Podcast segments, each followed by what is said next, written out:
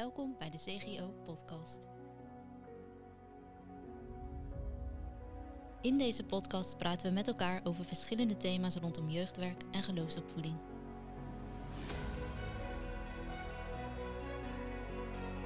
Met elke keer een nieuwe gast, leuke anekdotes en leerzame ideeën. Zo hopen we jou te bemoedigen en te inspireren.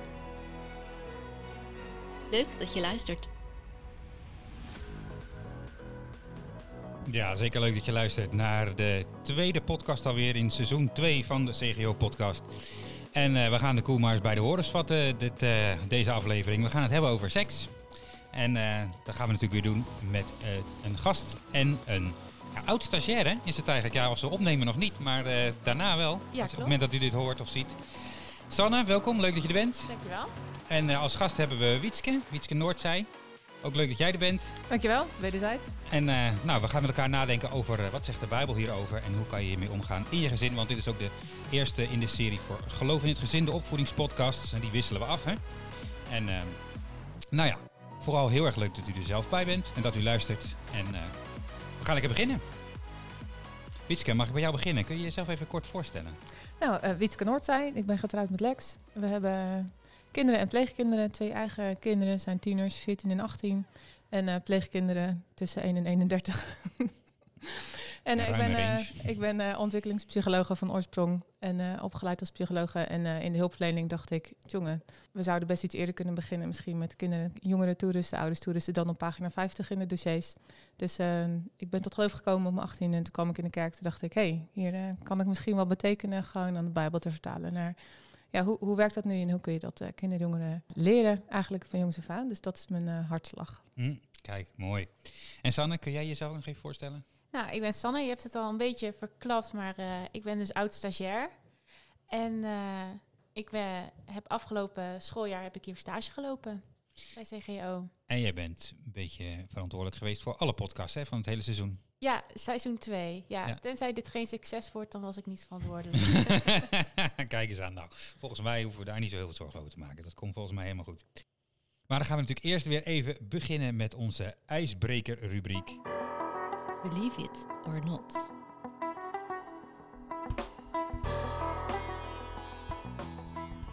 Want Witke, jij hebt een uh, verhaal bij je. En de vraag aan ons uh, is, uh, is dit nou waar of heb je het verzonnen?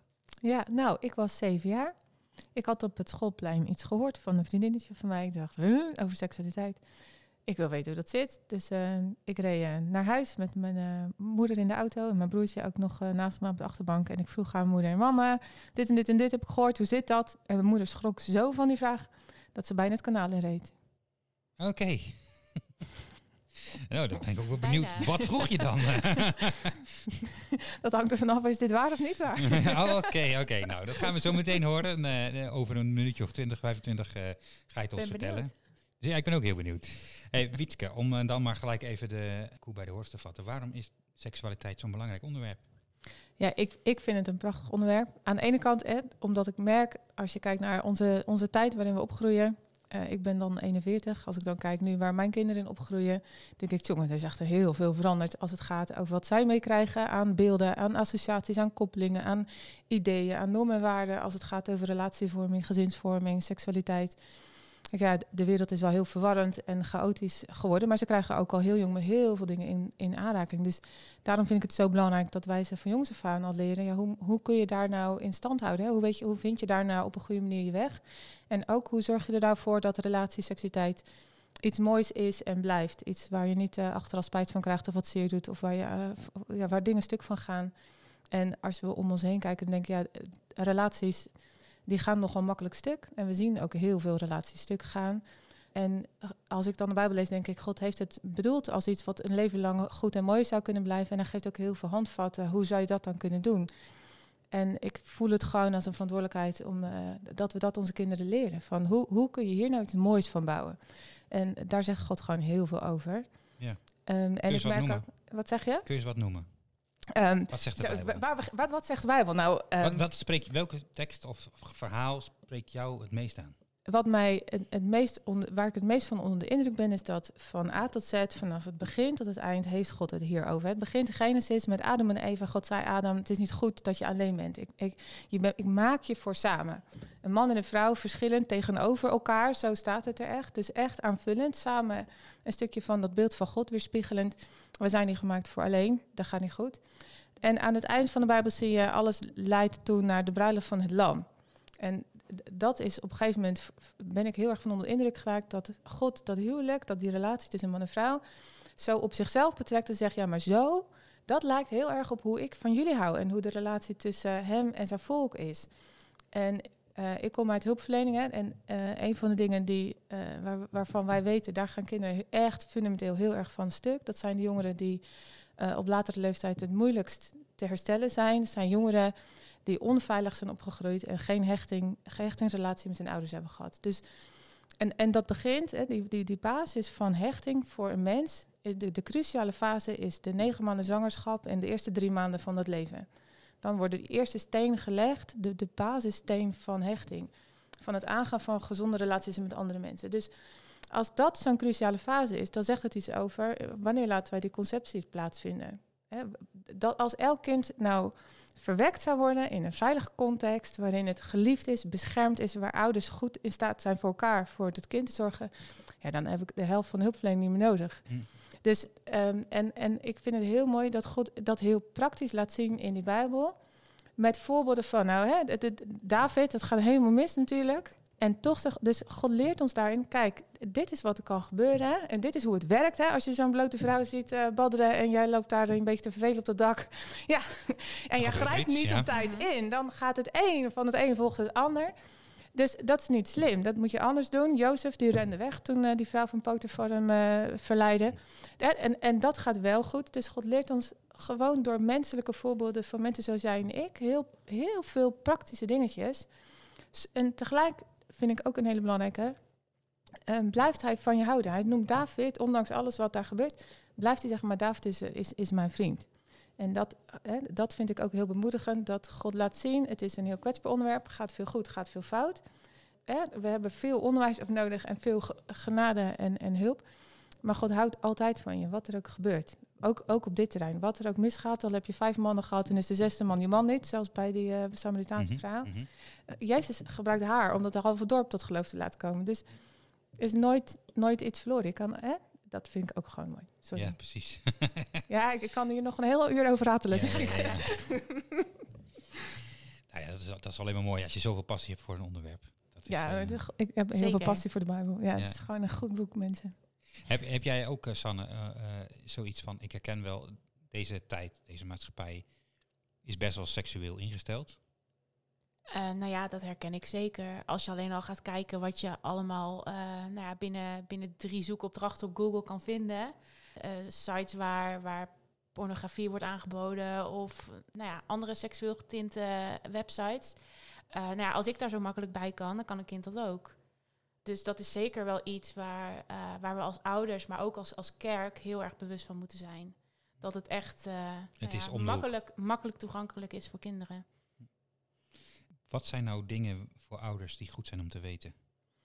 Um, ik, ik, ik, denk, ik, ik weet niet precies uh, hoe je hier zit als je hier naar luistert. Uh, mijn ervaring is, we doen heel veel trainingen met ouders, met opvoeders eigenlijk van allerlei uh, slag. Um, ik merk dat er best een hele generatie is die, die niet zo gewend is om daar op een goede manier over te spreken. Ja, wat is een goede manier? Ik merk, we kennen wel, het taboe is een beetje af. Er is een generatie geweest, er werd seks helemaal nooit iets over gezegd. Dat moest je zelf maar uitzoeken. Behalve het mag niet, het vies, het is slecht. En, maar nu is een generatie waarvan heel veel mensen denken, nou het is nu helemaal geen taboe meer. Het wordt openlijk besproken en je kan het er gewoon over hebben. En als je heel goed luistert, dan zie je dat een echt goed gesprek over seks is nog steeds net zo zeldzaam. Het is heel vaak heel plat. En heel, uh, ja, gewoon echt heel platvloers en heel plastisch en uh, heel direct en, uh, en ook heel fysiek. Maar als het gaat over een, een, een, respectvol gesprek over grenzen, over hoe ga je om met verwarring, met vragen, met hoe weet je of iemand bij je past, wat doe je als je verliefd bent, wat doe je met al die gevoelens van binnen. Dat is blijkbaar nog steeds best wel zeldzaam, merk ik ook in heel veel trainingen. Dus ik denk dat het belangrijk is, als ouder kun je eh, dat doorbreken door met je kind al heel jong te beginnen. Maak het een gewoon gespreksonderwerp, hoe ongemakkelijk jij het zelf ook vindt. Dat geeft niet als je af en toe niet meer goed weet of even bloost of wat dan ook. Maar dat is denk ik wel heel cruciaal als je kinderen leert om er op een goede manier met elkaar over te spreken. Dat kan van heel jongs af aan. Ja, dus dat wou ik net vragen. Dus jij zegt, hoe jong kun je er al mee beginnen? We gaan uh, het praktische stuk uh, komt straks nog, toch? Maar uh, het begint eigenlijk al heel jong. Op een gegeven moment kom je op het consultatiebureau of op de kinderdagverblijf, weet ik waar. Je verschoont dus ergens een luier en op een gegeven moment zien die kleintjes, hey, die heeft een piemeltje en die niet. En dat is, hè, dat is al een begin dat je kan zeggen, nou, we hebben jongetjes en we hebben meisjes. Hè? En zo is al de basis. En je leert ze omgaan met elkaar. Je leert ze op een gegeven moment hè, met kleren aanspelen. Um, je hoeft niet gelijk het hele toeter, uh, toeters en bellen tot in elk detail. Je kan dat mee laten groeien. Hè? Dus dat je begint van heel jongs af aan. En wat ik denk ook wel belangrijk is dat ouders weten, is het zit hem niet zozeer in of je wel het goede, de cursus hebt gevolgd van uh, ik heb dit precies volgens het boekje zo uitgelegd op die leeftijd en ik heb dit wel echt volgens het boekje op dat manier gedaan of ik heb die cursus daar gevolgd bij, bij Recipient. Nou, dat komt helemaal goed. Wat kinderen doen is ze kijken naar je. Ze kijken al heel, van heel jong naar jou. Hoe ga je om met je partner? Hoe spreek je over de buren die andere keuzes maken? Hoe spreek je over dat neefje of dat nichtje wat iets doet? Hoe reageer je als er een knappe hunk de kamer binnenloopt? Word jij dan ineens anders, ga je blozen? Of, uh, hè? Wat verhouding meet jij je aan als je over een terrasje loopt of over het strand loopt? En kinderen zien heel veel aan jou. Hm. En gaan dat op een gegeven moment leggen naast wat je uitgelegd hebt. Dus uh, hoe, hoe je... Uh. Wat je, wat je overbrengt, zit, komt veel meer van binnenuit zeker bij kinderen die jouw dag en nacht meemaken. Hm. Dus het zit veel minder in, heb ik op dat moment wel het goede woordje of het goede gesprekje gevoerd. Veel meer in dat natuurlijke stuk. Dus het betekent ook iets, hoe sta je eigenlijk zelf in het onderwerp? Ik denk dat dat ook wel een goede is om voor jezelf af en toe eens eventjes te toetsen. Van ja, wat vind ik eigenlijk van en hoe ga ik eigenlijk mee om en hoe sta ik hier nou in? Je hoeft niet alle antwoorden te hebben. Mhm. Maar dat, wat er van binnen bij jou leeft, dat, dat breng je echt wel over op je kinderen. Ja. Voordoen. Opvoeden is voordoen. Ja, is... Uh, afkijken misschien nog wel meer. Is uh, de kunst van jou afkijken. En je moet het uitleggen. Dat laat de Bijbel natuurlijk ook zien. Je moet voorleven en uitleggen. En die twee dingen. En dat kan, ja, dat kan met allerlei... Hè. Er is iemand zwanger, nou, dan kan je iets al uitleggen. Of uh, je legt ergens een fotoboek neer van wat echofoto's, hè, van babytjes ja. die in een buik groeien. Je kan heel veel aanleidingen creëren. Hm. Ja, vooral die combinatie van voordoen en uitleggen. Ja, ja. ja. En ja, daar had jij een mooi verhaal van, Sanne. Ja, daar, daar ik zeker een mooi verhaal van. Uh, want ik kan mij op zich niet heel erg goed dat ik me kan herinneren of dat mijn ouders daar echt een gesprek van hebben gemaakt. Ik kan me niet herinneren dat ze zeiden van nou Sanne kom eens even zitten, we gaan het even hebben over, uh, over seksualiteit.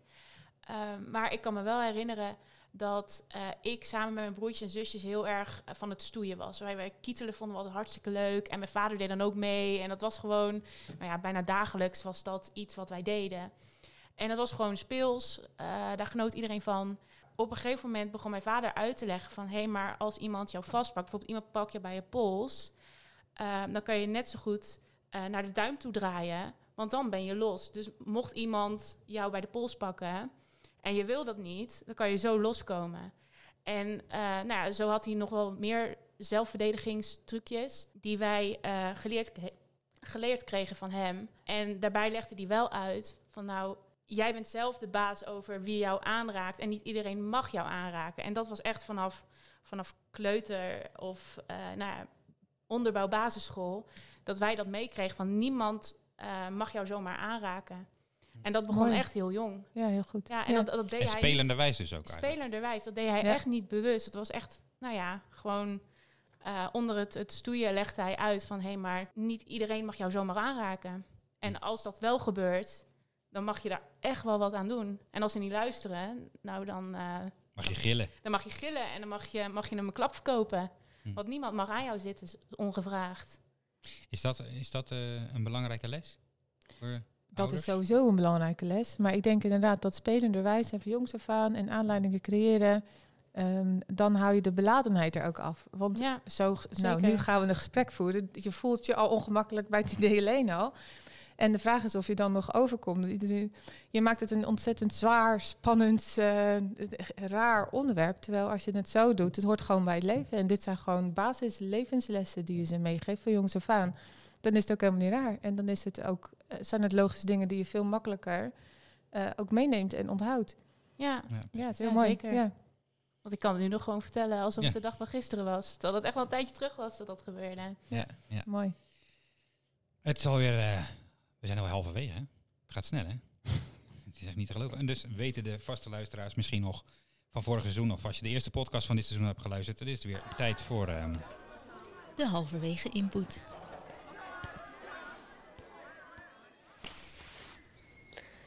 Praat jij wel eens met jouw papa en mama over seksualiteit? Nee, niet echt. Nee? Nee, En waarom niet? vinden we geen goed onderwerp. Geen goed onderwerp, waarom niet? Dat weet ik niet. ja, dit vinden we geen goed onderwerp. Die hebben we gehoord, Sanne. Eh, dit was eh, mijn buurmeisje. Zij is eh, tien. En eh, nou ja, blijkbaar vindt ze dit geen goed onderwerp. Als jij dit hoort, wat denk je dan, Wietke? Ik, ik vind het, ik, ja, ik kan ervan. Ik hou sowieso van kinderen. Dus wat zou ik zeggen? Ik vind het altijd leuk. En, eh, maar ik vind het niet verrassend. Ik, kan het niet duiden. Ik, ik ken haar niet, dus ik weet niet precies. eh, ik weet ook niet wat er thuis wel en niet wordt gezegd. Het is niet een gekke reactie voor een meisje van tien. En als je er, hè, ik, ik kan me voorstellen, er zijn wel meer kinderen van tien en ook wel van, eh, van ouder en jonger. Die denken seksualiteit is een hele rare term. Eh, Hoe? wat, wat bedoel je daarmee? Ja, Dus e- een van de dingen die ik ouders ook leer is, je moet woorden uitleggen. Je moet woorden uitleggen, wat bedoel je daarmee? Want die kunnen zomaar een hele rare associatie hebben bij kinderen. Je weet niet precies wat zij zich daarbij voorstellen. Waar bedoel je nou? Misschien heeft zij niet de koppeling gemaakt dat zij bedoelde... zo'n eh, stoeimomentje met je vader die uitlegt... hé, maar zo kan je loskomen. Of zo'n eh, momentje van je moeder die zegt... nou weet je, je bent echt kostbaar. En niet, je bent niet zomaar voor elke jongen. Jongen moet wel echt zijn best doen en moet wel echt eh, goed voor je kunnen zorgen. Wil die, eh, wil die jou verdienen? Dat de term seksualiteit niet per se die associatie maakt. Terwijl dat misschien wel de associaties die haar ouders hebben. Van ja, maar dat is hoe wij je proberen op te voeden. Hm. Het kan ook zijn dat zij denkt, nou, ik wil het er niet over hebben met jou. Eh, hoe, ik weet niet waar je, welke kant je op gaat en wa- wa- wat we nu, wat hierna nog voor vragen gaan komen. Maar ik kap het nu hier af en denk, nou, nee, nee, we hebben het gewoon niet over. Vinden wij ge- geen prettig onderwerp. Ja, je, je weet het niet zo goed. Of eh, ja, ja ik, ik weet het niet. Maar eh, ik, ik- wat je wel merkt en, in het opvoeden, dat zullen ouders denk ik vanzelf ook wel tegenkomen in je eigen gezin. Er is een tijd dat kinderen ontvankelijk zijn voor je. Hè? Dus eh, tot een jaar of eh 10, 11 rondom dit onderwerp, denk ik. Dat ze alles in zich opzuigen, alles voor waar aannemen wat je vertelt. Even toetsen af en toe bij vriendjes en vriendinnetjes. Maar jouw woorden hebben nog wel zwaar gewicht. En eh, tegen tijd dat, je een jaar of, dat ze een jaar of 10, 11 zijn en die, die beginnende puberteit komt, dat ze dan in de fase komen van, en nou wil ik het niet meer over, met jou over hebben. Nou sluit ik me op in mijn eigen kokonnetje en nou eh, weeg ik alles wel wat ik van jou heb gekregen. En, nu En wat doe je dan als ouder? uit. Wat doe je dan? Want ik kan me ook wel voorstellen dat het voor ouders best vervelend en kan voelen als je kind ineens Nou, niet meer dingen met jou wil bespreken. Wat ook, en als je tot die tijd dus ook nog niet een normaal gespreksonderwerp van hebt gemaakt, wordt het dan ook wel echt heel lastig. Als je dan nog moet beginnen met, nou jongens, we moeten eens eventjes gaan zitten. En hun eh, gordijntjes zijn al dicht. En jij gaat dan zeggen, we gaan het er toch over hebben. Ja, dan, dan bereik je heel weinig. En wat je wel ziet is, als, als die basis al gelegd is, en de relatie is ook goed, ehm, dan kun je daarna nog heel veel ge- meegeven. Alleen het moet wel spontaan. En niet te confronterend, niet te direct, maar er zijn nog aanleidingen zat die je kan eh, creëren. Maar, en een stukje privacy van je kind mag je ook wel waarborgen. Dus het vraagt veel meer afstemming van... kunnen we het er nu over hebben? Of kunnen we even af, af en toe een balletje opgooien en kijken waar ze op reageren? En dan ontstaan er nog steeds best wel hele leuke gesprekken met tieners. Ligt een beetje aan, eh, aan de houding, maar eh, Ja, kan, kan nog steeds. Want als maar- ze puber zijn, dan is het toch ook gewoon wel normaal dat ze even dwars liggen en niet willen. En ook dat ze het idee hebben dat ze ondertussen wel weten hoe jij erin staat. Ook de dingen die je niet gezegd hebt, maar die ze wel aan jou gemerkt hebben. Waar sta je wel en niet voor open? Hoe reageer je? Non-verbaal, ze zijn haarfijn. Tieners weten haarfijn, waar sta je? Ehm, en, en denken het ook te weten. Dus ze hebben ook niet zo meer behoefte om het nog eens een keer van jou te horen wat ze al denken te weten. Dus je moet ook met nieuwe input komen. En eh, op het moment dat ze merken, jij zegt echt wel zinnige dingen. Oh, wacht. Er zit toch wel iets in. Of oh, ik hoor toch iets nieuws. Of oh, is het daarom dat je dat zei? Dan staan ze ook wel weer voor open.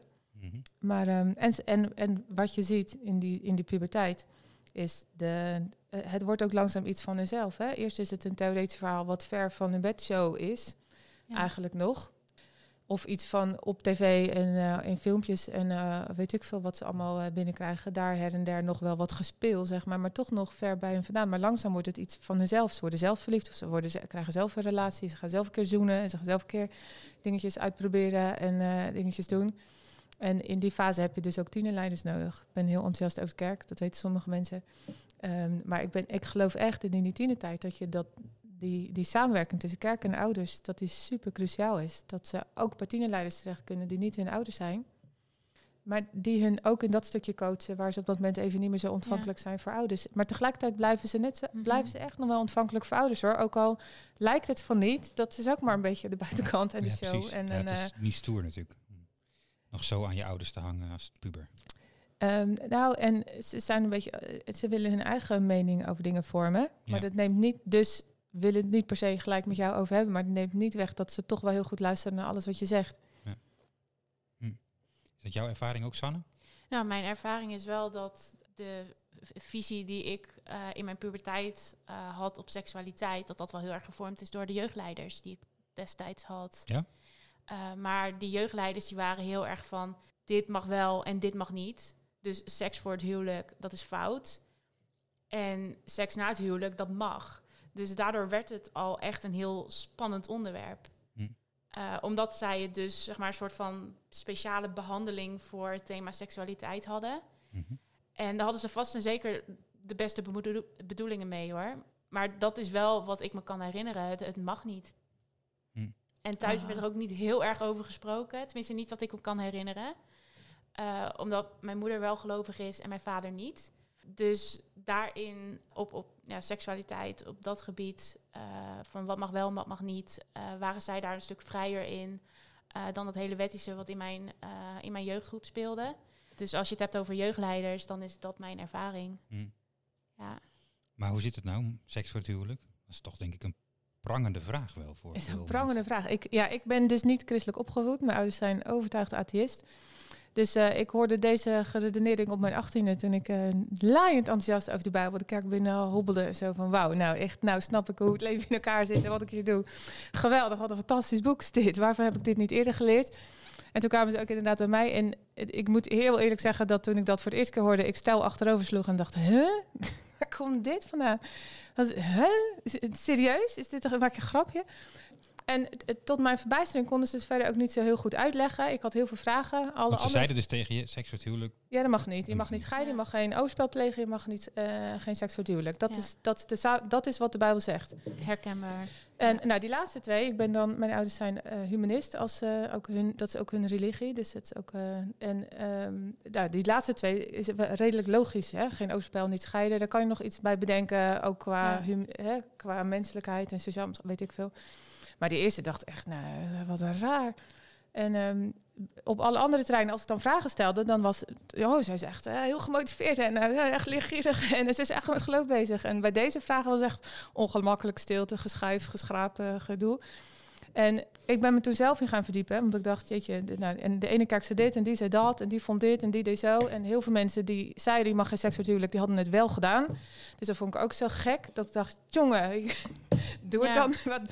Oké, dus en toen ben ik erin gaan verdiepen. En ehm, nou, dat is de, daarom ook waarvoor we het heel veel over spreken. Omdat ik merkte van, maar de Bijbel zegt verdorie ontzettend veel hierover. En alles gaat over die relatie. Je moet die relatie, je moet een stukje het beeld van God laten zien tussen God en zijn volk. En dat moet een, een, een veilig nest zijn waar de kinderen uit voort kunnen komen, die daar veilig opgroeien. En dat is het doel. Het gaat, die, die, die, die ander is zo kostbaar. En die ander is het waard om voor te vechten. En, en je moet je best doen om daarin elkaar lief te hebben, trouw te zijn, voor elkaar te zorgen en dat bond met elkaar te versterken. In dat licht is het ook heel logisch dat je dan seks bewaart tot die, die bond. Dat je een kind pas gaat verwekken op het moment dat je er ook voor kan zorgen. Laat ik het even zo zeggen. En ook samen Ja. voor kan En zorgen. als ik eh, kijk Ja. vanuit mijn hulpverleningsachtergrond, vind ik dat ook een, een enorme eh, maatschappelijk issue. Dat ik denk, jongen, als al die kinderen toch eens in een veilig nest geboren zouden worden, dan. Nou ja, ik, ik ben, ik, we hebben een gezinshuis. We hebben redelijk beschadigde kinderen bij ons in huis. Ik denk, nou, dat zou voor deze kinderen al heel veel geschild hebben aan problematiek. Als hun ouders gewoon hadden gewacht met het kind verwekken totdat ze hun eigen leven op orde hadden en ook een beetje voor elkaar konden zorgen. Dus het is, eh, in, maar ik vind wel, dus ik, ik, ik geloof wel dat de Bijbel dat zegt. Ik geloof ook dat de Bijbel nog veel meer zegt. Ze zegt, ja, maar het, het is niet een, een breuk van en dan ben je wel of geen goede christen. David maakte een fout, zoveel mensen maken fouten. Dan is er nog steeds een God die zegt, maar kom je bij mij, dan is er vergeving en herstel. Dan heb je de brokken nog wel eh, misschien wel even te verstouwen, maar de relatie is weer verzoend. Want het is ook soms een beetje zo'n uh, heikel punt, hè, van eh, een seksuele zonde. Nou, dan is alsof daar een, minder vergeving voor is of zo. Of dat Ja. daar minder, eh, ik weet niet precies wat voor lading we eraan leggen. En het heeft wel diepgaande consequenties, want we zijn heel kwetsbaar als mens. Vader, moeder, kind, hè. We zijn in die band heel kwetsbaar. Dus we kunnen ook veel brokken maken. We kunnen elkaar echt heftig raken. Daarom dat God denk ik ook zegt, je moet er heel voorzichtig mee zijn. Dus, Ja. Maar ik, ik zou het jammer vinden als kinderen meekrijgen als ze dat van onthouden. Omdat ik denk, ik, ik, ik, ik ben er wel van overtuigd dat dat is wat goed voor ons is. Eh, maar dat is niet de halszaak. De halszaak Mhm. is, je moet die relatie. Het gaat Ja. volgens mij hoor, ik ben geen theoloog, maar als ik het goed begrijp, dan is de halszaak. Hoe doe je nou die relatie zo dat die goed is en dat die een leven lang Ja. mee kan gaan en dat je het goed met elkaar hebt? Mm. Maar zeker als je als ouders zijnde of als kerk zijnde dat thema dus heel ongemakkelijk en apart gaat behandelen. eh, en, het, en het is dan alleen maar dit mag wel, dit mag niet. eh, dan komt daar ook een heel hele taboesfeer om. En eh, mensen die gaan het dan ook wegen als een, als een blijkbaar zwaardere zonde dan de rest van de dingen die we doen. Je hebt natuurlijk ook een tijd gehad dat ehm, stellen die eh, te vroeg een kind kregen, om het maar zo te zeggen, voor het huwelijk dus, dat die openbare schuldbeleidenis moesten doen voor in de kerk en zo. Ja. Dat werkt natuurlijk ook niet heel Dat vortelijk. gebeurt in sommige kerken nog steeds. Nog steeds? Ja. Ja, nou, ik, ik, ik hou van de kerk. Ik ga niet over eh, andere kerken oordelen. Maar ik hoop dat kinderen meekrijgen, hè, dat kinderen en jongeren meekrijgen dat God het beste met ze voor heeft. Dat God een mooi Mm. plan voor ze heeft. Dat seksualiteit daar een onderdeel van is. Dat God dat heel bijzonder heeft gemaakt. Maar het is geen halszaak. Net zoals het huwelijk ook niet per se een halszaak is. Want nog buiten dat staat ervoor, je bent gemaakt om God te dienen met je leven. Jouw leven is van Hem. En hoe kun je Hem dienen en Hem, hè, hem weerspiegelen in dit leven, zodat de mensen die Hem niet kennen, Hem ook leren kennen. Uiteindelijk gaat, gaat alles nog weer daarover. Hm. Dus, want soms maken we ook nog dat huwelijk. Zo, nou, je bent ook een soort tweederangse burger als je nog niet getrouwd bent en nog geen gezin hebt gesticht. Weet je wel? Zo, dat kunnen we ook nog. Als we het heel mooi gaan maken, kunnen we dat onbedoeld ook nog als bijeffect creëren van ja, dus Ja. dus dan is ook, hè, het is iets prachtigs wat God geschapen heeft. En als je dat mag eh, meemaken, dan, dan mag je daarin God laten weerspiegelen. En dan kan je een, een prachtige basis voor kinderen meegeven. Een, een stukje liefde en trouw verkondigen in, je, in, in de praktijk van het leven aan de mensen om je heen. Dat dat echt kan, dat er echt genade is en vergeving is en, Hm. en trouw is. En dat dat echt bestaat. Wat een stukje naar God mag verwijzen. Maar ook al doen we dat niet, dan nog, ook als single, kan je je leven tot eer van God dienen. En kan Ja. God dat heel goed gebruiken. Ben je niet meer of minder. Dat, nou ja, Ja. ik hoop dat we die, die breedte, die brede basis van die Bijbel aan alle kinderen en jongeren mee kan geven. Dat, Ja. dat het gewoon een mooi stukje van ze is. En waar ze hun weg met God weten te vinden. Dus eh, heb je, we hebben een paar ideeën gehoord voor jonge kinderen, we hebben een paar ideeën gehoord voor pubers. Heb je ook nog eh, een paar tips voor ouders voor net wat oudere kinderen, de studentenleeftijd en dergelijke? De studenten, ja, ik, ik hoop dat je het gesprek met ze kan blijven voeren. Hè, kinderen gaan, ik, ik, mijn oudste dochter is eh 18, gaat studeren, eh, de- studeert eh, tegen de tijd dat dit geluisterd wordt, ehm, op kamers en zo. En je merkt gewoon als ouder op een gegeven moment, je, je kan voorleven, je kan input geven en, en op een gegeven moment moeten ze het zelf gaan doen. Gaan ze op eigen benen staan, hun eigen keuzes maken, hun eigen wegen bewandelen. En ik vind een heel mooi voorbeeld de verloren zoon dat eh, God zegt, en ook al als ze hun eigen wegen gaan, ook al zouden het niet de wegen zijn die jij zou kiezen, ook al zouden ze andere keuzes maken, andere dingen, anders naar dingen kijken, dat ze weten, maar dat neemt niet weg hoeveel jij van ze houdt. Dat jouw deur altijd voor ze open staat. En dat je met ze mee wil denken. Je kan anders over dingen denken, dat mag ook. Misschien is dat ook helemaal niet het geval, maar dat het een open gespreksonderwerp blijft. Dat je beschikbaar voor ze blijft, dat je interesse in ze blijft tonen. En wel dat je blijft staan waar jij voor staat. Dus niet water bij de wijn doen. Hè? Dat, dat hebben alle kinderen nodig van hun ouders.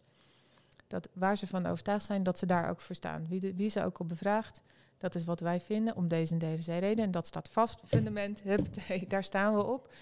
En je mag anders over denken en dat daar hou ik net zoveel van je. Ehm, en dan, eh, en da- dat is wel eens lastig. Ja. Vooral als ze dingen doen waar je echt denkt, ha, Dat had ik nooit gedaan. Ja, precies. ja, dit, eh, Heb jij ja. nog eh tenslotte voor ons, uh, een... De gouden tip.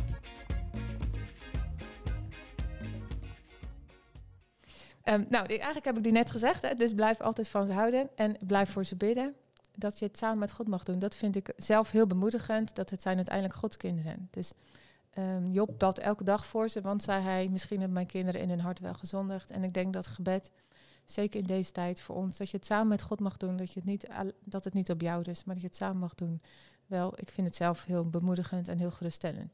hm. Dus die wou ik meegeven.